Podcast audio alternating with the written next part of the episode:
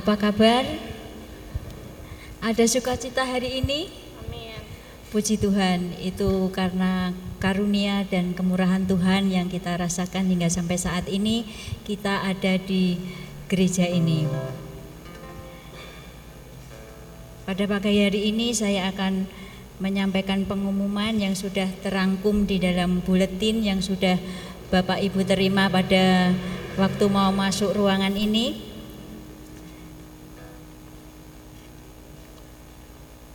Bagi Bapak Ibu Saudara yang mendapatkan tugas untuk minggu ke depan, ibadah minggu ke depan, baik itu hari Rabu juga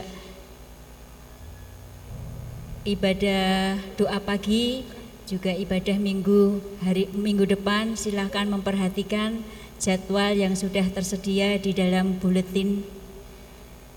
Kemudian eh, pemberitahuan hari ini ada tukar mimbar dari GGBI BPD Jateng Bakut diadakan pada hari ini tanggal 18 September 2022 GBI Candi dilayani pada ibadah pertama tadi Bapak Pendeta Dr. Mardi Harto dari GBI Puspawarno.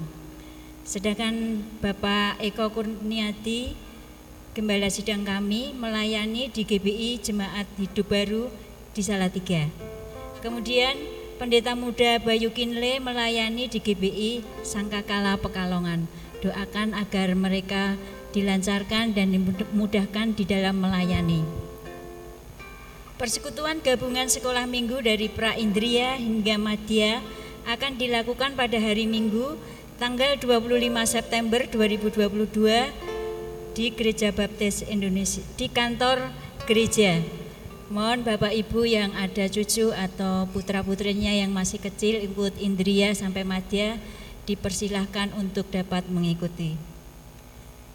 Kemudian ada pengumuman dari panitia Natal. panitia Natal GBI Candi tahun 2022 mengajak Bapak Ibu Saudara untuk ambil bagian dalam penggalangan dana untuk perayaan Natal di tahun 2022 dengan mengadakan aksi pengumpulan uang koin. Dari depan sudah tadi pada waktu Ibu Bapak Ibu Saudara mau memasuki ruangan ini sudah tersedia tempat galon. Silahkan Bapak Ibu Saudara untuk dapat ikut mengambil bagian memasukkan koin-koin yang ada ke dalam galon tersebut. Tapi andai kata susah untuk mendapatkan koin, Bapak Ibu Saudara boleh memasukkan uang kertas yang ada. Dengan senang hati panitia Natal akan menerimanya dari berkat yang untuk perayaan Natal yang akan datang. Terima kasih. Gereja Baptis Indonesia Candi juga mengucapkan ulang tahun kepada Ananda Brace James Head pada tanggal 18 September Ibu Justina Inderti Rondonu tanggal 19 September, Saudari Lesnawati Lahahu tanggal 20 September, Ibu Esther Catherine pada tanggal 23 September. Kiranya kasih karunia dan damai sejahtera Allah di dalam Tuhan Yesus melimpah senantiasa bagi Bapak Ibu Saudara yang berulang tahun pada minggu ini. Mari kita mempersiapkan hati kita untuk menghampiri tahta Tuhan. Kita ambil saat teduh.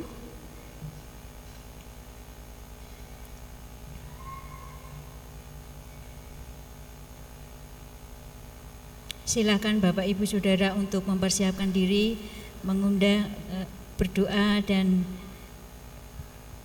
saya akan membacakan ayat saat teduh ini yang diambil dari Mazmur 142 145 ayat 2 sampai dengan 4.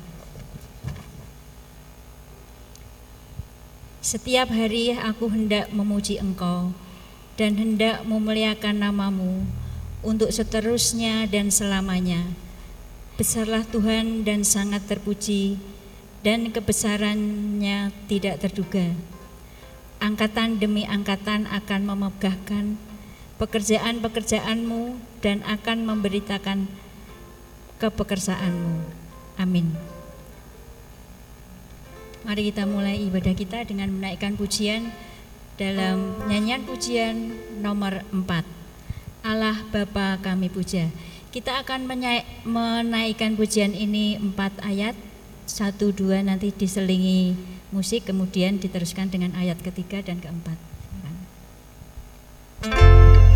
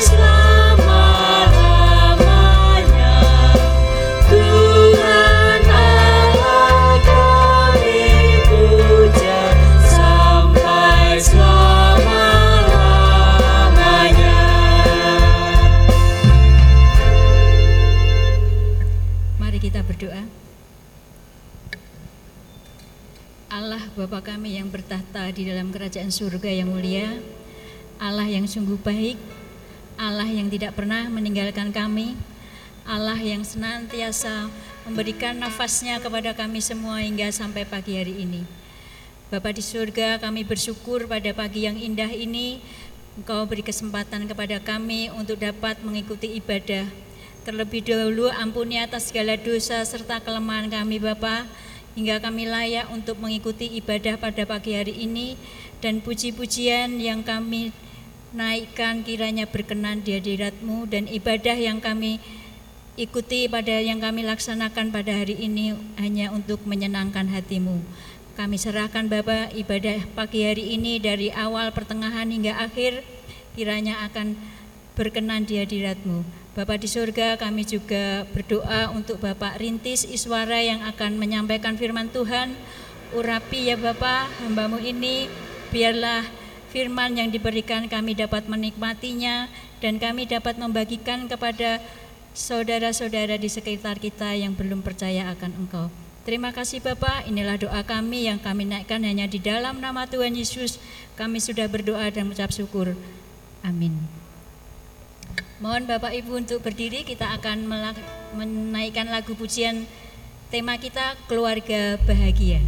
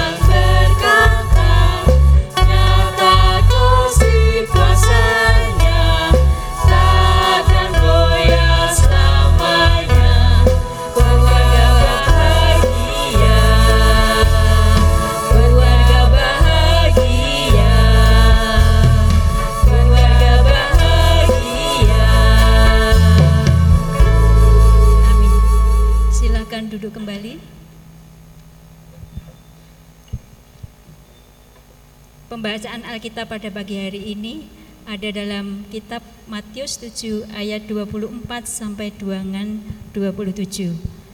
Mohon Mas Yosua untuk membantu kita dalam pembacaan Alkitab pada pagi hari ini. Matius 7 ayat 24 sampai 27. Setiap orang yang mendengar perkataanku ini dan melakukannya, ia sama dengan orang yang bijaksana, yang mendirikan rumahnya di atas batu. Kemudian turunlah hujan dan datanglah banjir. Lalu angin melanda rumah itu. Tetapi rumah itu tidak rubuh sebab didirikan di atas batu. Tetapi seorang yang mendengar perkataanku ini dan tidak melakukannya, ia sama dengan orang yang bodoh yang mendirikan rumahnya di atas pasir. Kemudian turunlah hujan dan datanglah banjir, lalu angin melanda rumah itu, sehingga rubuhlah rumah itu dan hebatlah kerusakannya. Amin. Berbahagialah Bapak Ibu Saudara yang sudah membaca firman Tuhan dan melaksanakannya. Sebelum kita memberikan persembahan dan perpuluhan serta persembahan khusus untuk pastori, marilah kita menaikkan pujian dalam nyanyian pujian nomor 345 Bahagialah tiap rumah tangga. Kita akan ini ada empat bait kita akan nyanyikan semua. Setelah bait pertama dan kedua diselingin musik, kemudian kita teruskan dengan bait ketiga dan keempat.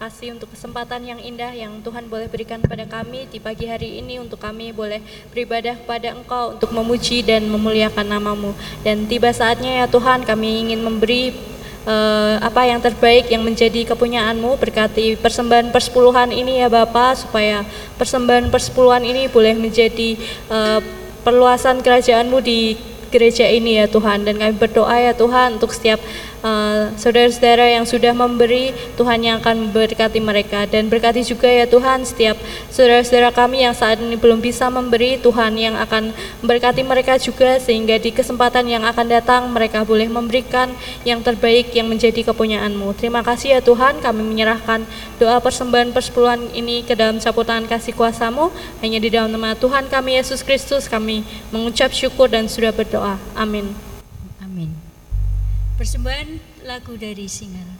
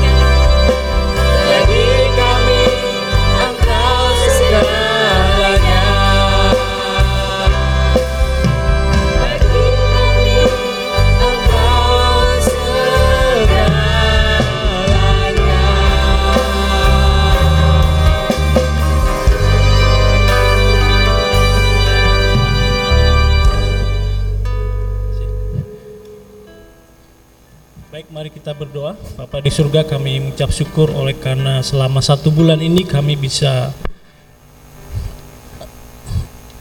bersama-sama diberi kesempatan untuk lebih memahami lagi uh, karunia anugerah berupa keluarga yang kau berikan kepada kami.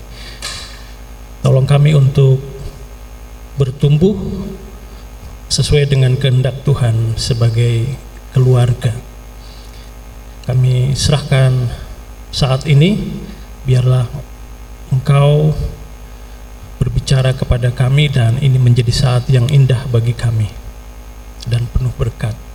Tolong kami untuk mengerti firman Tuhan, Roh Kudus bekerja di antara kami. Inilah doa kami dalam nama Yesus. Amin. Baik, silahkan duduk Bapak Ibu Saudara sekalian.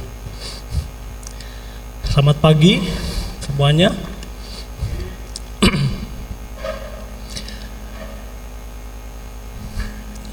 Nah, eh, Bapak Ibu Saudara sekalian,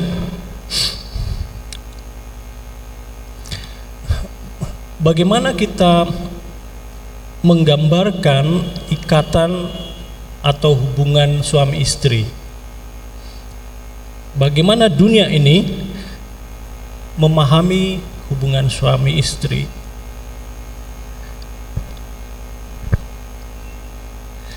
Apakah kita melibatkan Tuhan dari awal hingga akhir?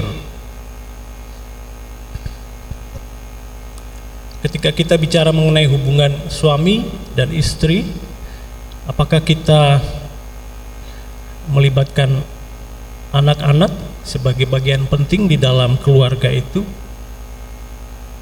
Kita melibatkan ya kadang-kadang di dalam rumah ada orang-orang lain selain suami istri atau bapak ibu dan anak-anak mungkin ada mertua mungkin ada uh, saudara sepupu dan yang lain sebagainya nah saya ingin mengajak kita semua kita lihat apa yang firman Tuhan katakan tentang hal ini ada tiga kebenaran yang Tuhan nyatakan tentang hubungan suami istri, saya mengajak kita membuka Alkitab kita di dalam kitab Efesus. Efesus pasal 5 ayat 22 sampai 33. Efesus pasal 5 ya.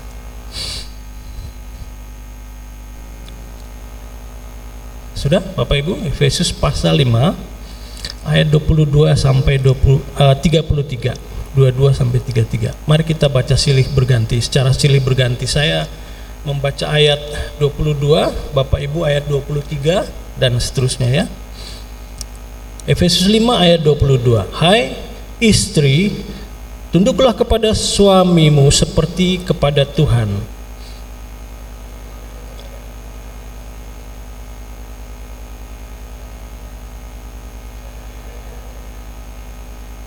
Karena itu sebagaimana jemaat tunduk kepada Kristus, demikian jugalah istri kepada suami dalam segala hal.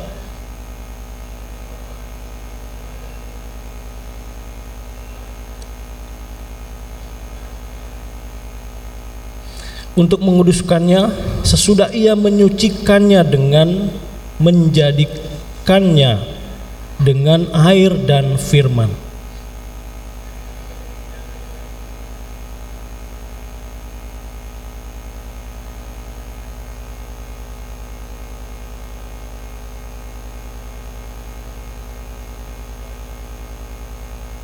Demikian juga suami harus mengasihi istrinya sama seperti tubuhnya sendiri. Siapa yang mengasihi istrinya, mengasihi dirinya sendiri.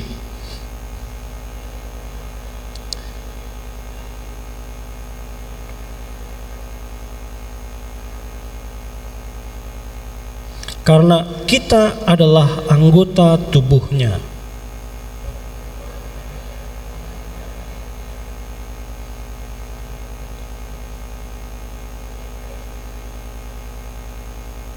Rahasia ini besar, tetapi yang aku maksudkan ialah hubungan Kristus dan jemaat.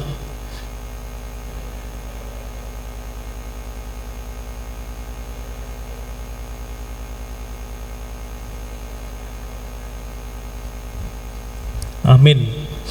Nah, Bapak Ibu Saudara sekalian, kebenaran yang pertama, Menurut firman Tuhan, ini adalah firman Tuhan. Menurut nas ini dan ini sama seperti dengan semua nas lain di dalam perjanjian baru.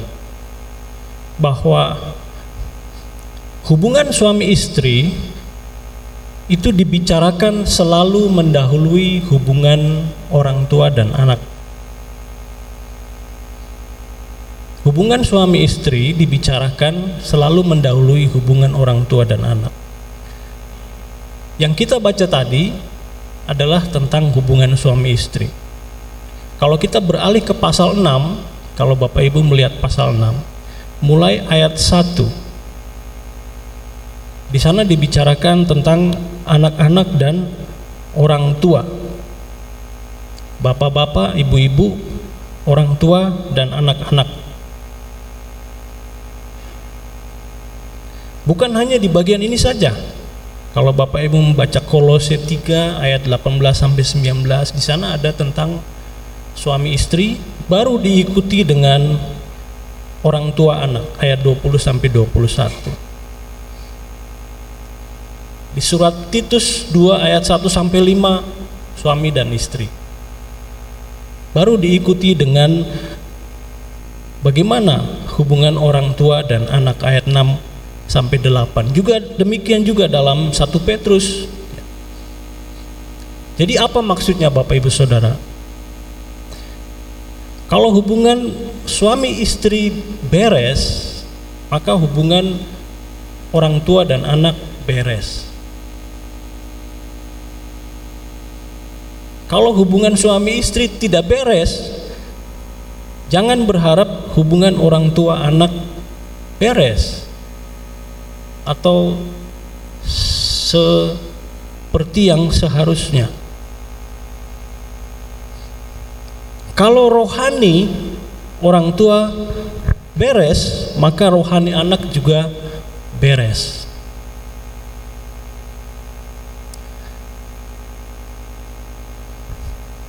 Anak-anak itu mengasihi ibu mereka karena bapaknya mengasihi ibu mereka. Anak-anak mengasihi bapak mereka karena ibunya mengasihi bapak mereka. Sesungguhnya cara terbaik seorang bapak mengasihi anak-anaknya adalah dengan mengasihi ibu mereka. Demikian juga cara seorang cara terbaik ibu mereka mengasihi anak-anak dengan mengasihi bapak mereka. Nah, ini penting sekali. Kadang kita menuntut sesuatu dari anak. Padahal yang seharusnya mendahului itu yaitu relasi kita suami istri, bapak dan ibu itu kita biarkan dan tidak kita tangani dan kita jalani sebagaimana mestinya. Bapak Ibu semua tahu ada 10 hukum Taurat dan itu ditulis oleh Tuhan dan itu ditulis di dalam dua loh batu. Loh batu yang pertama berisi hukum yang pertama sampai ke empat, kemudian loh batu yang kedua berisi hukum yang ke lima sampai ke enam. Apa bedanya loh batu yang pertama dan yang kedua? Loh batu yang pertama itu berbicara tentang relasi vertikal kita dengan Allah, manusia dengan Allah. Nah, loh batu yang kedua itu berbicara tentang relasi kita dengan sesama. Jadi ada dua jenis relasi, relasi ke atas dengan Tuhan dan relasi dengan sesama. Dan yang menjembatani dua relasi ini adalah hukum yang kelima dan hukum ini sangat terkenal yaitu hormatilah ayahmu dan ibumu. Hai anak-anak, hormatilah ayahmu dan ibumu. Kenapa anak-anak diperintahkan untuk menghormati ayah dan ibunya? Oleh karena orang tua adalah wakil Allah di hadapan anak-anaknya. Orang tua adalah representasi Allah di hadapan anak-anaknya. Bapak Ibu, perhatikan ini. Sebelum seorang anak bertemu dengan Allah, dia terlebih dahulu bertemu dengan orang tuanya.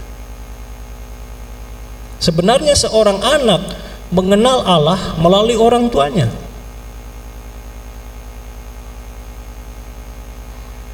Anak bertemu Allah melalui orang tua. Dengan demikian, seorang anak yang tidak menghormati orang tuanya, dia sebenarnya sedang tidak menghormati Allah. Kalau ada anak kurang ajar kepada orang tua, dia sebenarnya sedang kurang ajar kepada Allah. Sebaliknya, orang tua yang tidak memposisikan dirinya sebagai wakil Allah di hadapan anak-anaknya, dia sedang menyia-nyiakan kepercayaan, tanggung jawab yang Allah berikan kepadanya. Paling tidak sejak dia memiliki atau dikaruniai anak oleh Allah. Di dunia ini ada orang-orang yang terkenal uh, bengis, jahat. Saudara semua kalau mendengar kata nama Hitler, nah kebanyakan kita tahu atau Stalin. Nah, orang-orang ini adalah orang-orang yang mempunyai orang tua yang buruk, yang tidak mau atau tidak bisa menjadi wakil Allah di hadapan anak-anak mereka. Jadi ada pepatah kita pernah mendengar pepatah ini like father like son. Seperti seorang bapak Demikianlah anaknya, anak laki-lakinya. Jadi hubungan suami istri Allah minta itu beres dan dengan demikian hubungan orang tua dan anak beres. Memang tidak otomatis. Ada yang hubungan suami istri beres, hubungan uh, orang tua anak mungkin tidak terlalu baik. Tapi tanpa hubungan suami istri, bapak dan ibu yang baik, tidak mungkin ada hubungan orang tua anak yang baik.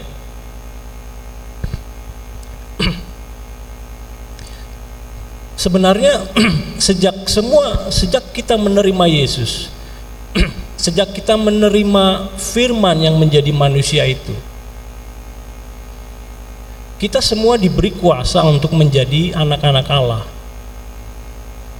Setiap kita, sejak kita dilahirkan kembali, kita mengakui Yesus sebagai Tuhan dan Juru Selamat kita. Yesus adalah the only Son, anak putra Allah satu-satunya, tidak ada yang lain, tetapi ketika kita dikaitkan dengan Yesus, kita diadopsi, kita diangkat menjadi anak-anak Allah juga. Itu bedanya kita dengan Yesus di hadapan Allah. Yesus adalah putra yang tunggal, tidak ada yang lain yang sejenis dengan dia. Tapi ketika kita percaya kepada dia, kita diangkat, kita diadopsi. Secara rohani kita memiliki bapa rohani. Jadi kita kita semua di sini kita memiliki dua bapa Bapak secara jasmani yang melahirkan kita dan se secara rohani kita memiliki Bapa, Bapa di surga. nah, saya seorang Bapak. Sejak kapan? Sejak saya memiliki anak. Tapi saya tidak dilahirkan dalam keadaan sebagai Bapak. Berbeda dengan Allah Bapa kita di surga. Kalau di di saya bapak di rumah tangga di keluarga saya.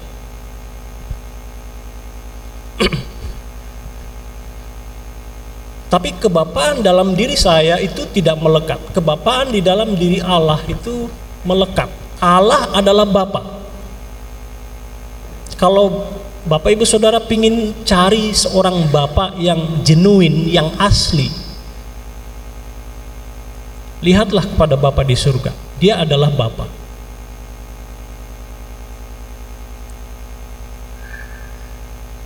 Kebapaan di dalam diri saya tidak seperti itu.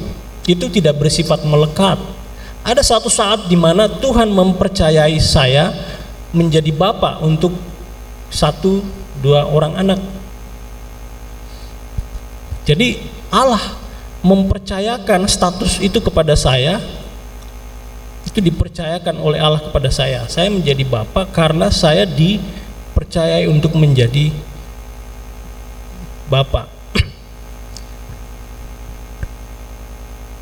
Nah, oleh karena itu ada sebuah pepatah bijak yang mengatakan begini. Pepatah itu berkata, seseorang, seorang anak yang tidak melihat seorang bapa atau lebih tepat tidak melihat bapa di surga, tidak melihat Allah Bapa di dalam diri papanya, seorang anak yang tidak melihat Allah Bapa di dalam diri papanya, dia juga tidak akan melihat seorang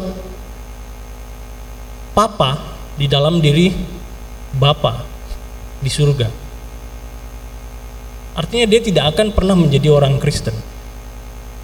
Seorang anak yang tidak melihat Allah Bapa di dalam diri papanya Artinya papanya itu tidak pernah merepresentasikan Bapa di surga. Anak itu juga tidak akan pernah melihat seorang papa di dalam diri Bapa di surga.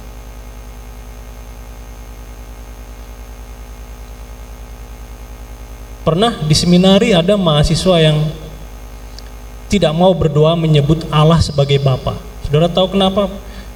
Ternyata dia punya pengalaman buruk Dulu waktu kecil bapaknya sangat keras, kejam. Pernah marah, mungkin dia dilempar bapaknya ngopi panas, kopinya dilempar ke muka anaknya. Dan bagi dia papanya ya seperti itu, jahat seperti itu. Sehingga ketika dia diajak berdoa, Bapak kami yang di surga, wah tidak mungkin Bapak itu seperti papa saya. Kalau Bapak di surga seperti Papa saya, saya manggil dia Bapak. Berarti Bapak Allah itu jahat seperti Bapak saya. Nah, itu bisa terjadi, tetapi persoalan orang ini dan persoalan banyak kita, kebanyakan dari kita adalah kita tidak bisa membedakan kebapaan Allah di surga dengan kebapaan papa kita. saya bapak, tapi kebapaan saya berbeda dengan kebapaan Allah di surga. Kalau saya ingin menjadi seorang bapak yang baik, model saya adalah bapak di surga. Kebapaan Allah adalah model, adalah contoh dari kebapaan saya saya kebapaan saya tidak sempurna. Tapi kebapaan di dalam diri Allah itu sempurna. Kalau saya ingin menjadi seorang bapak yang baik, saya harus belajar dari Allah. Bapa dari Tuhan kita Yesus Kristus. Itulah sebabnya Bapak Ibu Saudara, pada akhirnya ketika kita bicara mengenai hubungan orang tua dan anak, firman Tuhan membedakan taat dan hormat. Coba kita lihat pasal 6 satu ayat setelah ayat terakhir yang kita baca tadi. Tadi kita membaca pasal 5 ayat 33 yang terakhir. Coba maju sedikit ke pasal 6 ayat 1. Di sana dikatakan apa? Hai anak-anak taatilah orang tuamu di dalam Tuhan. Taatilah orang tuamu di dalam Tuhan. Kemudian di ayat 2, hormatilah ayahmu dan ibumu. Itu yang dikatakan dalam 10 uh, hukum Taurat, hukum yang kelima. Nah, apa bedanya taat dan hormat? Di sini Paulus sedang mencatat sikap terhadap Bapak secara jasmani, bukan Bapak secara rohani, yaitu Allah di surga. Dikatakan, Hai anak-anak, taatilah orang tuamu di dalam Tuhan. Taat itu adalah sejauh di dalam Tuhan. Seorang anak harus menghormati orang tuanya, apa pun alasannya, apa pun keadaannya. Sejelek apa pun orang tuanya, bukan saja secara jasmani, secara rohani, dia harus menghormati orang tuanya, apa pun keadaannya.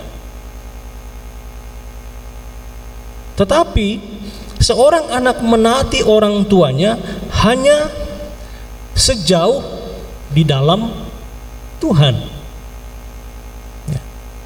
Hai anak-anak, taatilah orang tuamu di dalam Tuhan.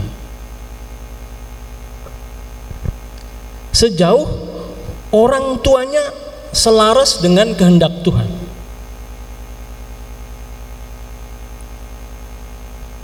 Artinya kalau orang tuanya tidak selaras dengan kehendak Tuhan, kita bisa dan tidak semestinya taat kepada orang tua. Kepada orang tua. Kenapa? Jelas karena kita harus lebih taat kepada Allah daripada kepada manusia. Kita diperintahkan di paling tidak di tiga, tiga tempat untuk menghormati pemerintah. Kita mendoakan mereka, tetapi kita harus lebih taat kepada Allah daripada manusia. Artinya kalau pemerintah memerintahkan kita untuk melakukan sesuatu yang bertentangan dengan kehendak Tuhan, kita tidak boleh taat. Itu adalah titik di mana kita harus taat lebih taat kepada uh, Allah daripada manusia. Demikian juga dengan orang tua. Kalau orang tua kita menyuruh kita meninggalkan iman kita menjadi ateis, ya kita tidak boleh menaati dia. Tetapi Bapak Ibu Saudara, kita bisa bisa kita bisa tidak taat kepada orang tua tetapi sambil terus menghormati dia.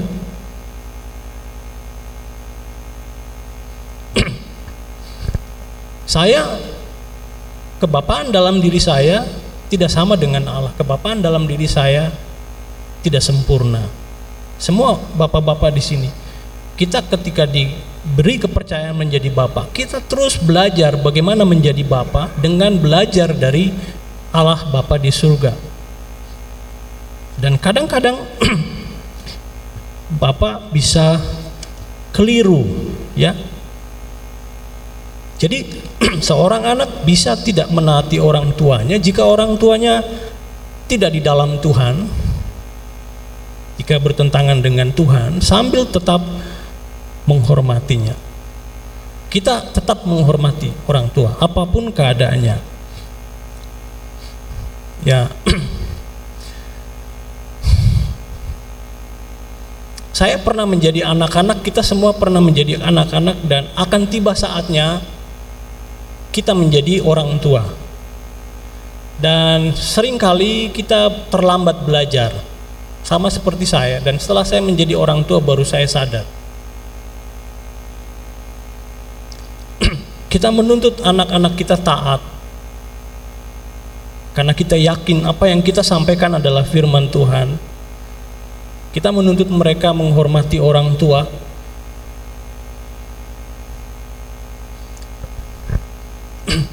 Dan saya melakukan itu untuk anak-anak. Karena apa? Karena saya lebih pengalaman dari anak saya. Saya pernah menjadi anak-anak saya pernah menjadi seorang anak. Tapi anak saya tidak pernah menjadi orang tua. Betul?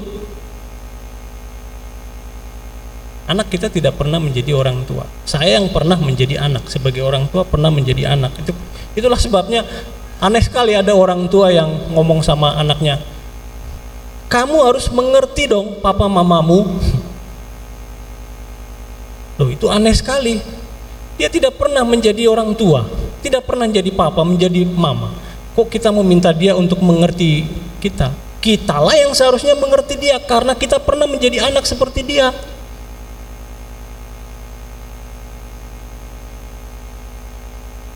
Itulah sebabnya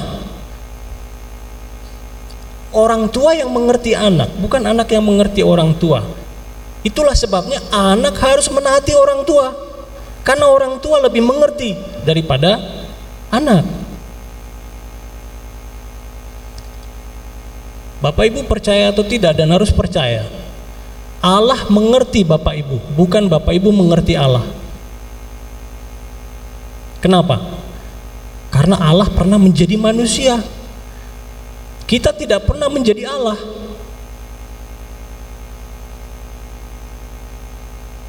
Allah menjadi manusia 2000 tahun yang lalu, pribadi kedua Allah Tritunggal. Dia menjadi daging. Dia menjadi manusia. Dia adalah imam besar kita. Dan kitab Ibrani mengatakan imam besar kita itu tidak seperti imam perjanjian imam besar perjanjian lama yang hanya bayangan saja dari keimaman besar Yesus. Dia mengerti semua yang kita rasakan, dia mengerti semua yang kita alami. Dalam segala hal dia sama seperti kita. Dia turut merasakan semua kelemahan kita. Hanya satu hal yang membedakan dia dari kita, dia tidak berdosa. Oleh karena itu ketika kita datang kepada dia, kita sedang datang kepada satu pribadi yang bukan kaget dan tidak mengerti keadaan situasi kita. Oh tidak, kita sedang datang kepada satu pribadi yang sangat mengerti, sangat empati, sangat paham dengan semua keadaan yang sedang kita alami.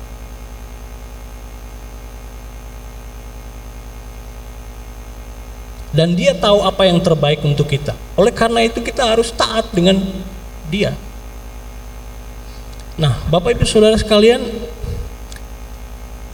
ini penting bahwa sebagai suami, istri, sebagai bapak dan ibu, kita memiliki relasi satu dengan yang lain benar, relasi vertikal kita dengan Allah benar, dan setelah itu kita boleh berharap relasi anak-anak kita dengan kita juga benar. Relasi. Ya saya mengatakan kita karena saya kebetulan orang tua tapi ya saya juga anak toh. Karena paling tidak pernah jadi anak.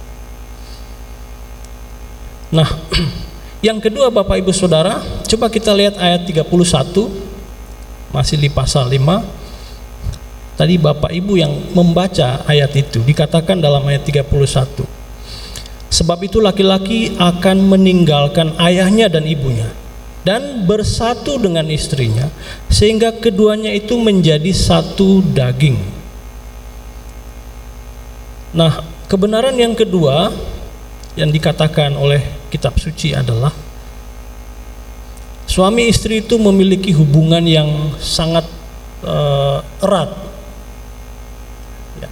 sangat luar biasa erat. Sebenarnya ayat 31 ini adalah kutipan dari perjanjian lama yaitu kejadian 2 ayat 24. Ya, ketika Allah menciptakan manusia Adam dan Hawa, kemudian ada penjelasan seperti ini, yaitu sebab itu Laki-laki akan meninggalkan ayahnya dan ibunya dan bersatu dengan istrinya sehingga keduanya menjadi satu daging. Kejadian 2 ayat 24. Nah, dalam bahasa Ibrani di dalam perjanjian lama kata bersatu dengan dabak dalam bahasa Ibrani. Dabak bersatu, join ya bersatu. Ini uh, berpaut itu sama seperti hubungan yang semestinya antara Israel dengan Tuhannya, yaitu berpaut atau melekat. Itu seperti Bapak Ibu tahu cerita Naaman yang disembuhkan oleh Nabi Elisa.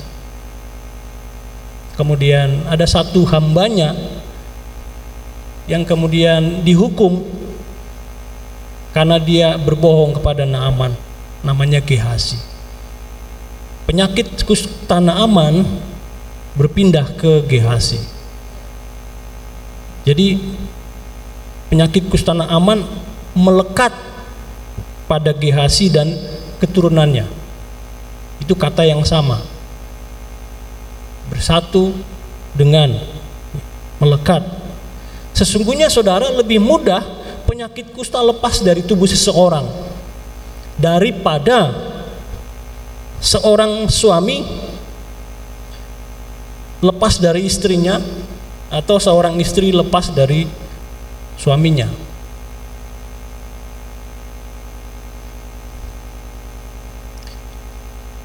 Seorang uh, reformator namanya Martin Luther dia pernah berkata begini coba kita masing-masing hubungkan dengan diri kita. Ya ada di antara saudara yang belum menikah Mbak Margareta belum nikah ya? Mas belum. Mungkin nanti menikah tapi siapa pun dengan siapa menikah firman Tuhan ini untuk karena nanti kan mau menikah toh atau nggak mau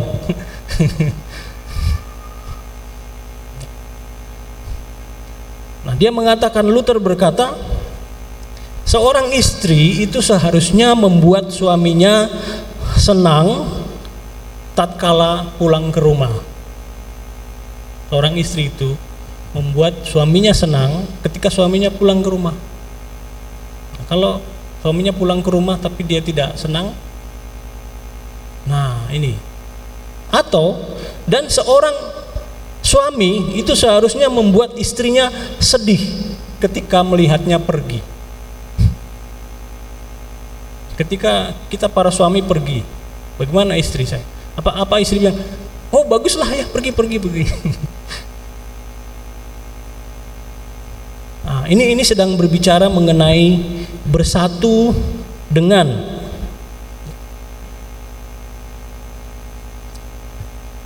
kami minggu lalu baru dari Jakarta kemudian karena kami menggunakan kendaraan pribadi saya dan istri saya itu suka melihat uh, saudara tahu kalau naik kendaraan terus ada truk truk di depan itu kan menjengkelkan menghambat tapi ya kami menghibur diri biasanya berharap ada tulisan-tulisan di belakang truk gitu ada yang punya pengalaman itu tulisannya kan bagus-bagus. Di belakang truk. Ya lucu-lucu ya. Terus ada tulisan dalam bahasa Jawa. Mulih tobat lunga lungo kumat lungo kumat mulih tobat. Mungkin itu dia sedang menunjuk kepada yang bekerja sebagai uh, supir truk gitu. 99% koplak. Saya saya nggak tahu pintar berbahasa Jawa. Tapi apakah istri misalnya istri menunjukkan minat yang besar terhadap pekerjaan suaminya. Coba istri-istri. Jangan cuma hanya menunjukkan minat pada gajinya saja. Tapi pekerjaan suami apa yang sedang dia gumuli dia sedang tekuni? Ya. Apa tantangan yang sedang dihadapi suami dengan pekerjaannya? Kadang istri tidak peduli, dia lebih peduli gajinya. Makanya ada cerita seorang ibu datang ke rumah Pak RT. Tok tok tok. Pak RT, Pak RT, tolong dong, tolong. Ada apa? Suami saya hilang. Loh, kok bisa? Udah berapa lama hilang? Sudah hampir tiga minggu ini hilang. Loh, kok baru lapor sekarang? Emangnya nggak tahu? Ya tahu, tapi saya baru ingat kalau hari ini dia gajian.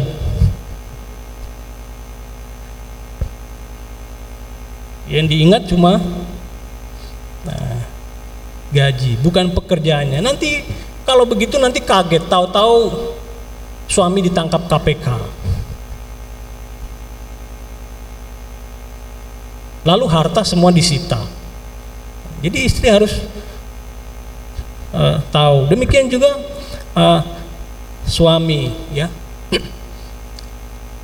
Jangan suami harga-harga kebutuhan bahan pokok naik, lalu dia menulis surat kepada istrinya bilang, ya sayangku uh, harta har, apa harga-harga bahan pokok naik, BBM naik, beras harga naik, cabai naik. Tapi tenang saja istriku, uang bulananmu tidak ikut-ikutan naik. Sama saja ya. Nah, ada frasa yang penting di situ dalam ayat 31. Coba lihat ayat 31 itu.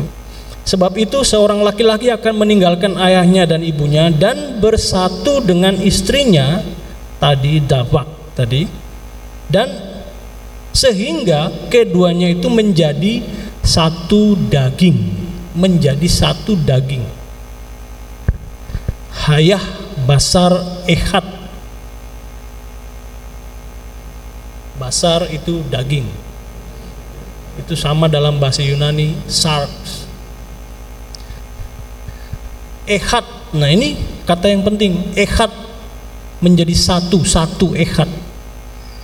Nah, ehad ini di dalam perjanjian lama itu bukan satu matematis. Kalau saya mengangkat ini satu, ini satu matematis.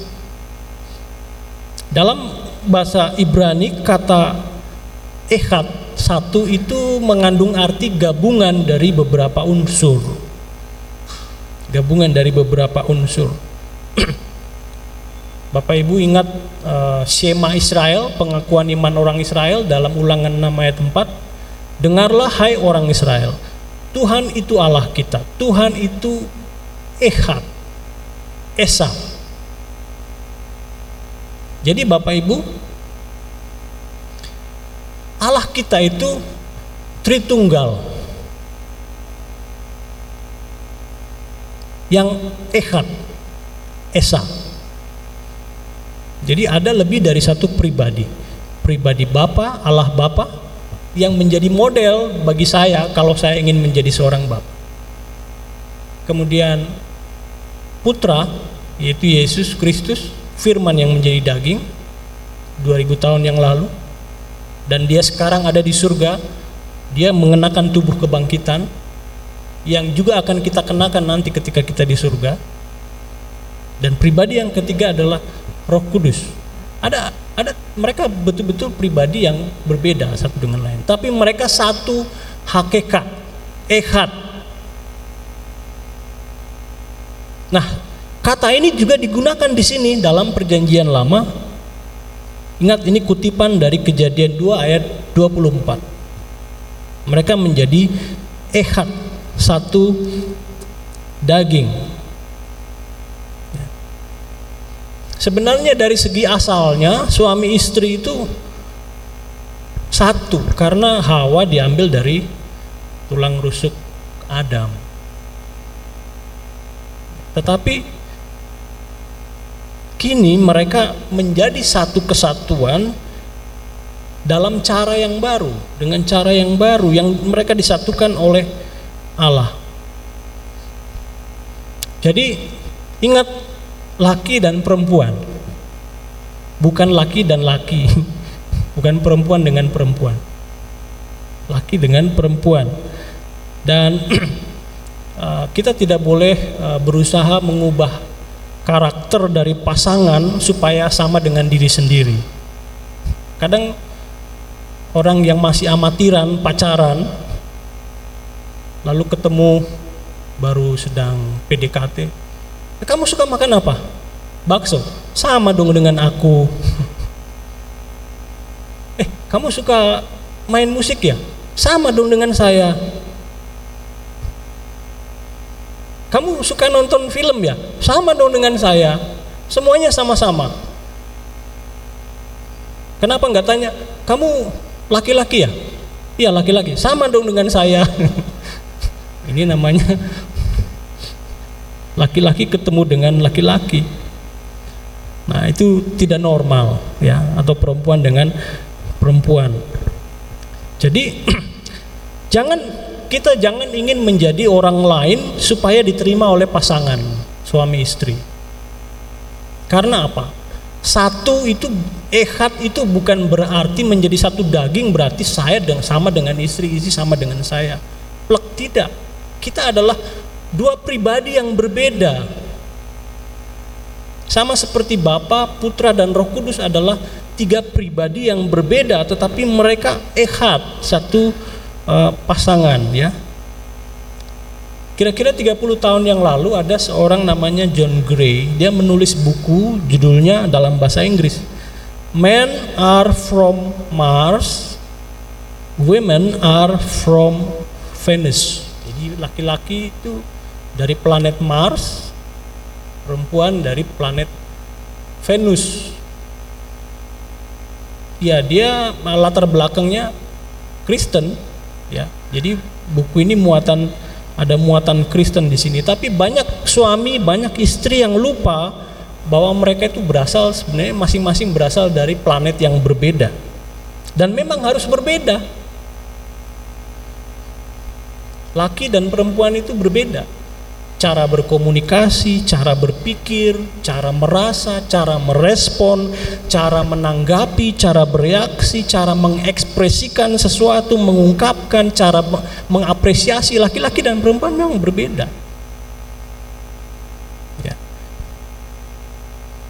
Dan kalau setiap pria dan wanita, suami dan istri memahami hal ini, menghargai hal ini, menerima perbedaan-perbedaan ini maka cinta akan lebih mempunyai peluang untuk berkembang.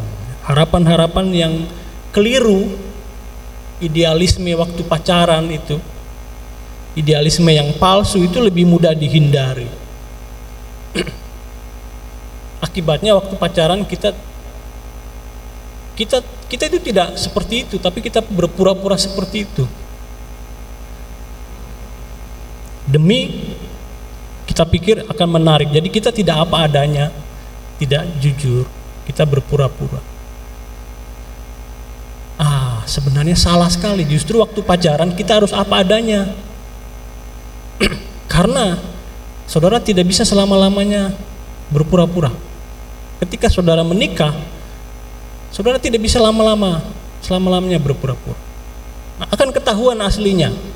Nah, sudah terlambat sudah terikat dalam pernikahan. Nah, kalau kita memahami perbedaan-perbedaan psikologis antara laki-laki dan perempuan, kita bisa santai bekerja sama dalam perbedaan-perbedaan itu dan bukannya mencoba melawan atau mengubahnya. Kita menjadi diri kita sendiri, tidak kehilangan jati diri dalam hubungan.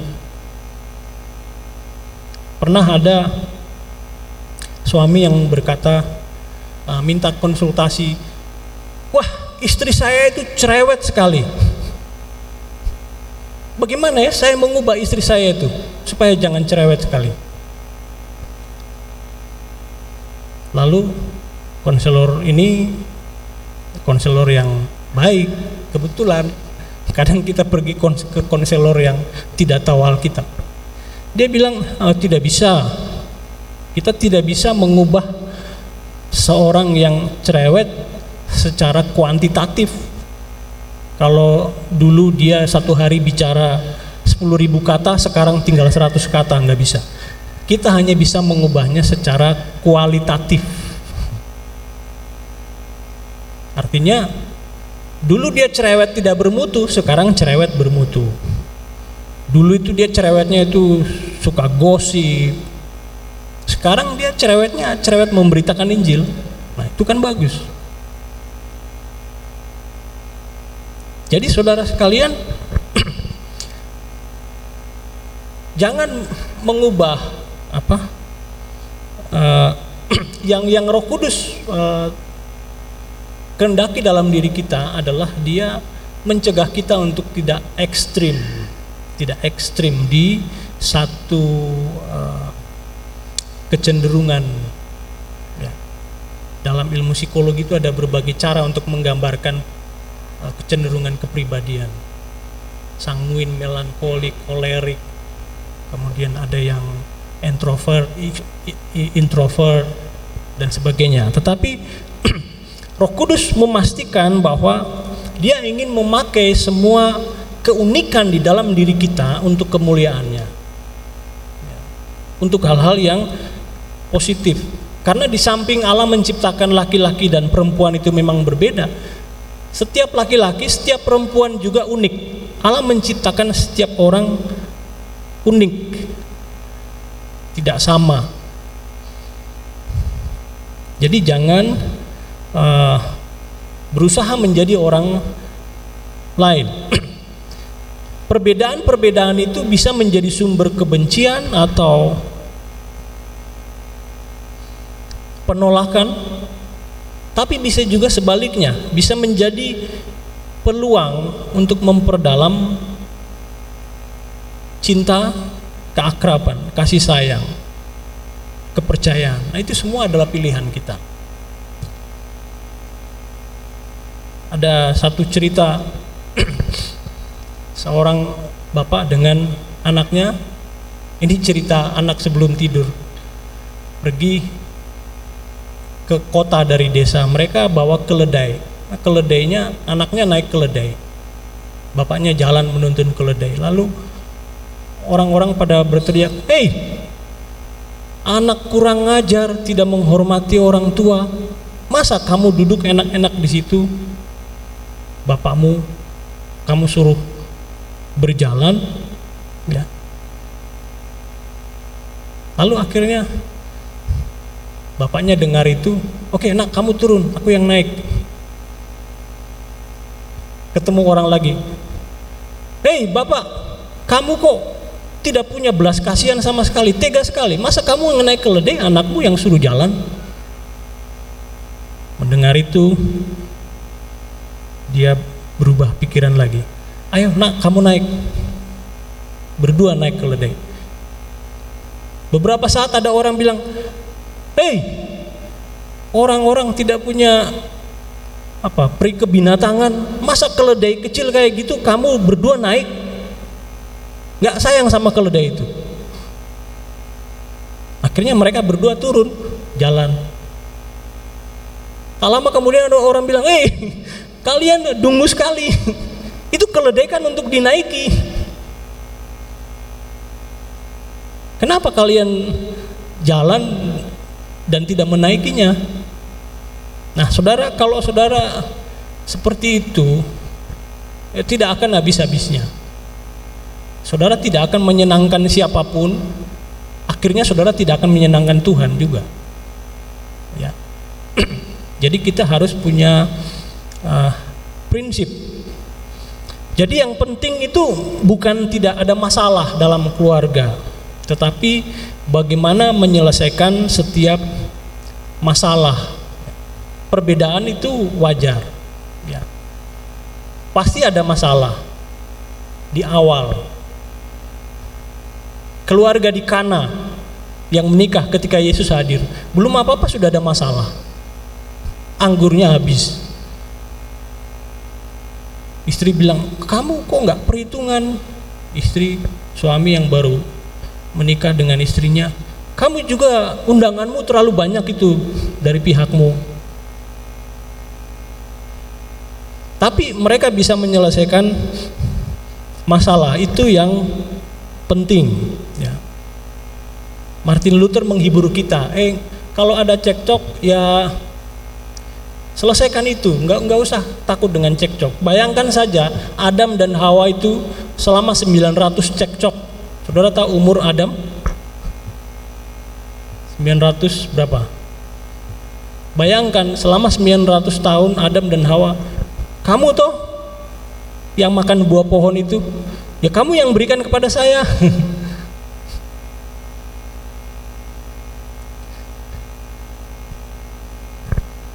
Nah,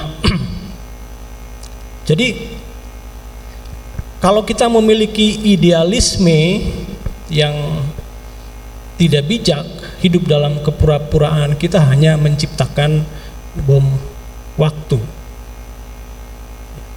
Kalau gereja, gereja itu menunggu tidak ada masalah baru pergi memberitakan Injil, maka gereja itu tidak akan pernah memberitakan Injil. Kapan sebuah gereja tidak ada masalah? Tidak ada gereja yang tidak ada masalah. Kalau saudara pindah dari satu ke gereja, dari satu gereja ke gereja lain, saudara sedang pindah dari satu masalah ke masalah yang lain. Tapi gereja di Yerusalem tidak seperti itu. Mereka tidak menunggu selesai dulu baru pergi memberitakan Injil. Saudara, Allah mendatangkan penganiayaan supaya mereka tersebar memberitakan Injil. Demikian juga dalam keluarga pasti ada masalah. Nah, saudara harus ingat bahwa yang menjadi satu daging itu suami dan istri, papa dan mama, bukan papa dan anak bungsu bukan mama dengan anak sulung. Ingat cerita Ishak dan Ribka.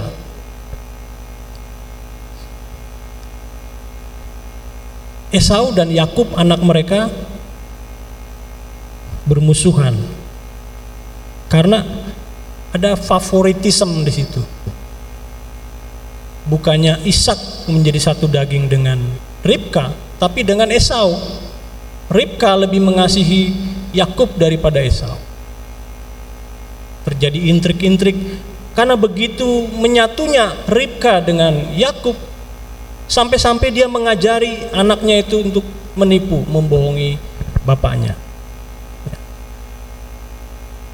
Jadi kita tidak boleh uh, pilih kasih di dalam keluarga. ya ada ada anak-anak yang tumbuh secara tidak normal sebagaimana mestinya. Karena apa?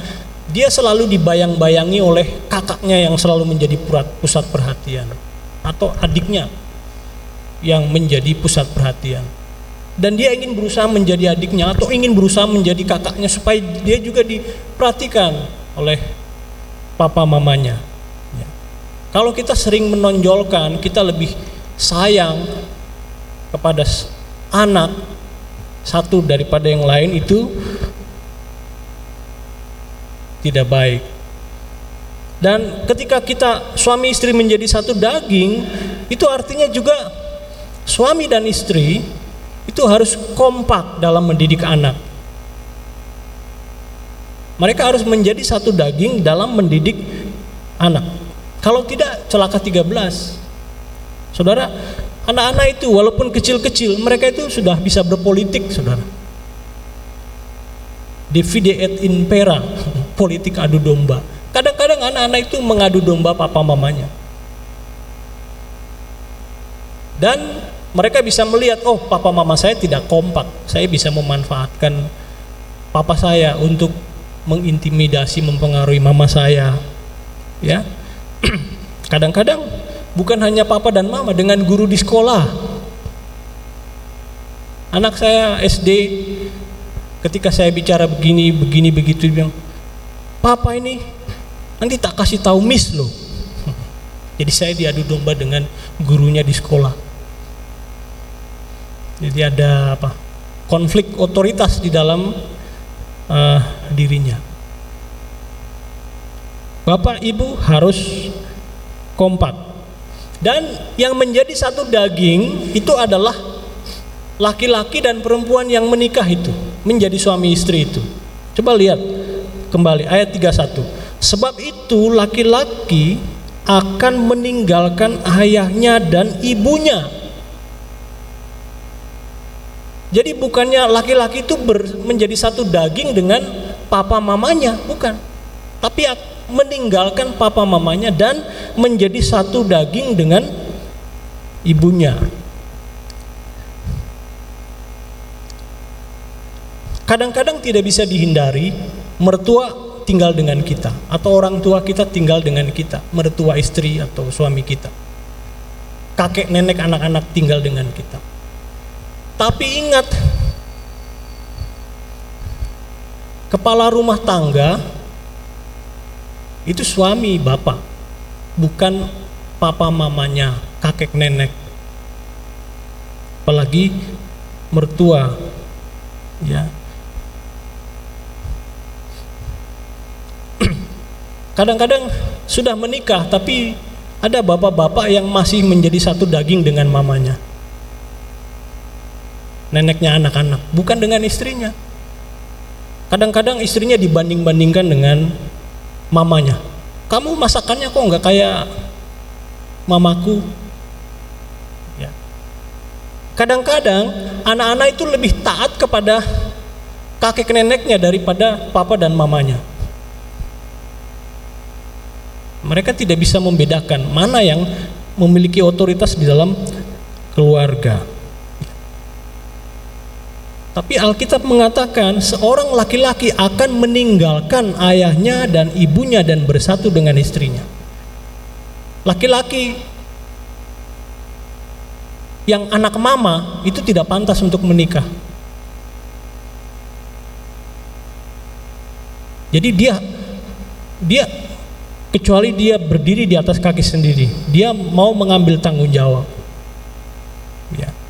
Dia meninggalkan ayahnya dan ibunya. Dan bersatu dengan istrinya. Jadi membentuk keluarga baru, ya.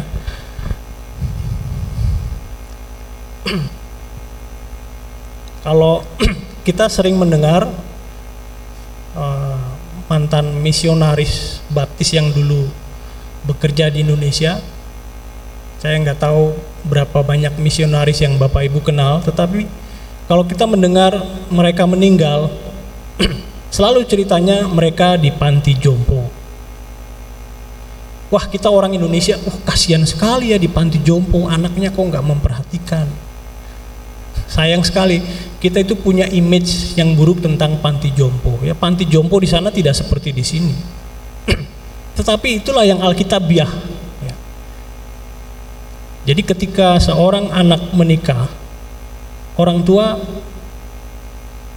tidak boleh mencampuri. Ya.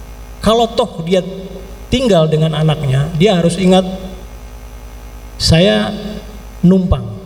Saya bukan kepala keluarga. Kepala keluarganya adalah anak saya yang sekarang sudah meninggalkan saya dan menjadi satu daging dengan istrinya. Yang harus didengar oleh cucu-cucu saya itu adalah bapak ibunya mereka, bukan saya.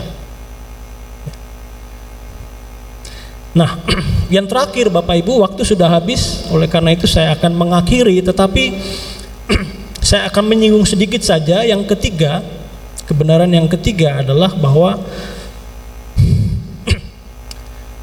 seperti apa hubungan suami istri itu? Banyak orang yang mengumpamakan suami dan istri itu seperti palu dan paku. Kalau saya kalau begitu saya pilih jadi palunya deh. Aku saya nggak mau jadi pakunya. Ada juga yang menyamakan uh, suami istri itu seperti gerbong dan lokomotif, lokomotif dan gerbong. Wah, saya mau sih jadi lokomotif. Apalagi gerbongnya banyak.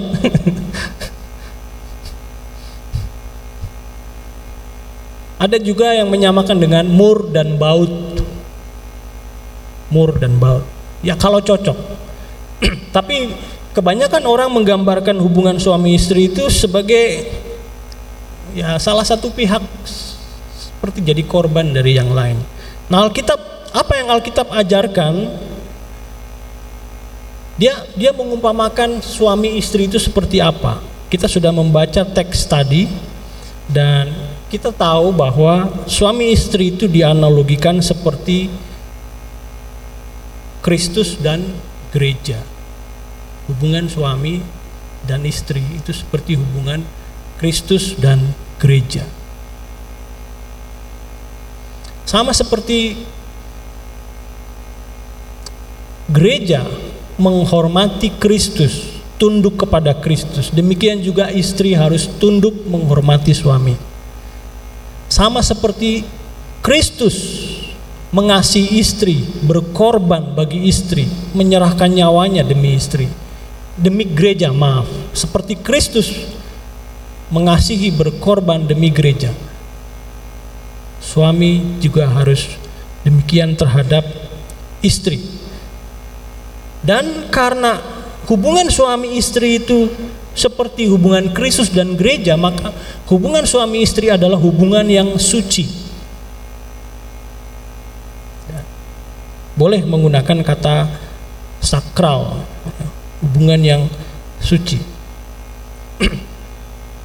Salah satu persoalan dari gereja-gereja zaman sekarang adalah tidak ditekankannya doktrin tentang keutamaan keluarga. Apa yang utama di dunia ini? Yang utama adalah menjadikan yang utama tetap sebagai yang utama dan keluarga itu utama. Sekarang banyak orang menganggap remeh hubungan suami istri. Di televisi-televisi itu beritanya itu kawin cerai, kawin cerai, kawin cerai. Bahkan ada artis yang bilang I don't believe with marriage but I believe in living together. Jadi dia tidak percaya dengan pernikahan, hubungan pernikahan, hidup bersama. Mungkin dalam pikirannya seperti kumpul kebo atau seperti. Nah, saudara sekalian, inilah yang uh, Alkitab ajarkan kepada kita tentang hubungan suami istri. Dan biarlah firman Tuhan ini menolong kita me menghadapi berbagai ide atau pemikiran yang ditawarkan oleh dunia di sekeliling kita yang bertentangan dengan firman Tuhan dan meyakinkan kita untuk kembali kepada apa yang Tuhan inginkan dan kehendaki. Mari kita berdoa. uh, mungkin kita akan akhiri sekalian ya karena saya tadi dipesan seperti itu kita akan berdoa syafaat dan uh, setelah ini kita menyanyikan lagu penutup. Mari kita berdiri semuanya, Bapak Ibu.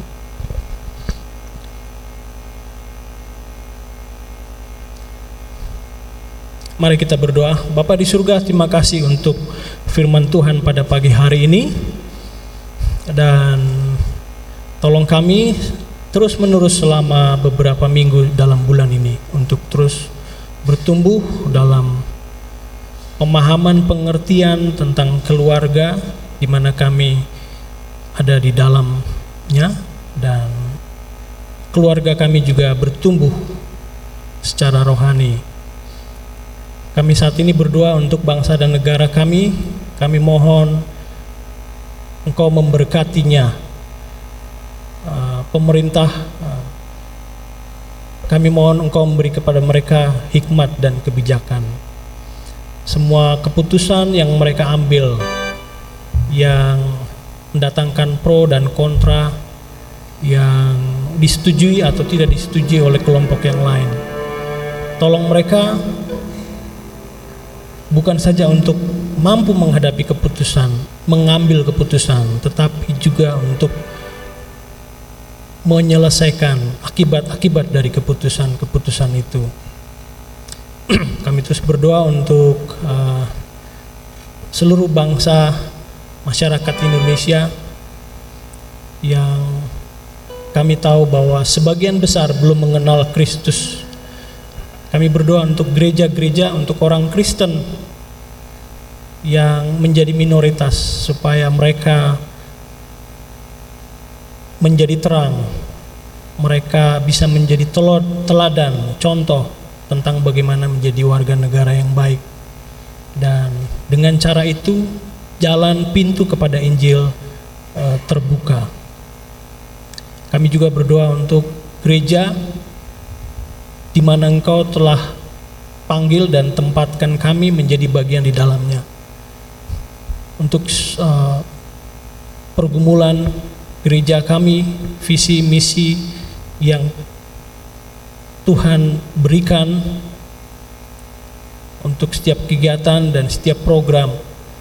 Tuhan tolong supaya gereja kami betul-betul melaksanakan fungsinya sebagai gereja. Baik fungsi ke atas, fungsi keluar maupun fungsi ke dalam sehingga kami berkuantitatif tapi juga berkualitatif. Bapak di surga, pada akhirnya kami akan meninggalkan tempat ini, kami ingin mengakhiri ibadah kami. Kami berdoa kiranya semua yang kami lakukan, pujian, penyembahan, persembahan, doa, telinga kami yang kami buka untuk mendengar firman-Mu. Semuanya itu berkenan kepadamu. Dan ketika kami meninggalkan tempat ini kami pergi dengan kekuatan, pengertian, sukacita dan semangat yang baru. Dan kami ingin supaya kami pergi karena kami sudah dilengkap dan kami siap hidup di mana pun engkau tempatkan kami. Pada akhirnya kiranya rahmat Tuhan Yesus Kristus dan kasih Bapa di surga dan Roh Kudus yang sudah melahir barukan kami, mempersekutukan kami, melengkapi kami dengan berbagai karunia, terus beserta dengan kami sekalian sampai selama-lamanya. Amin.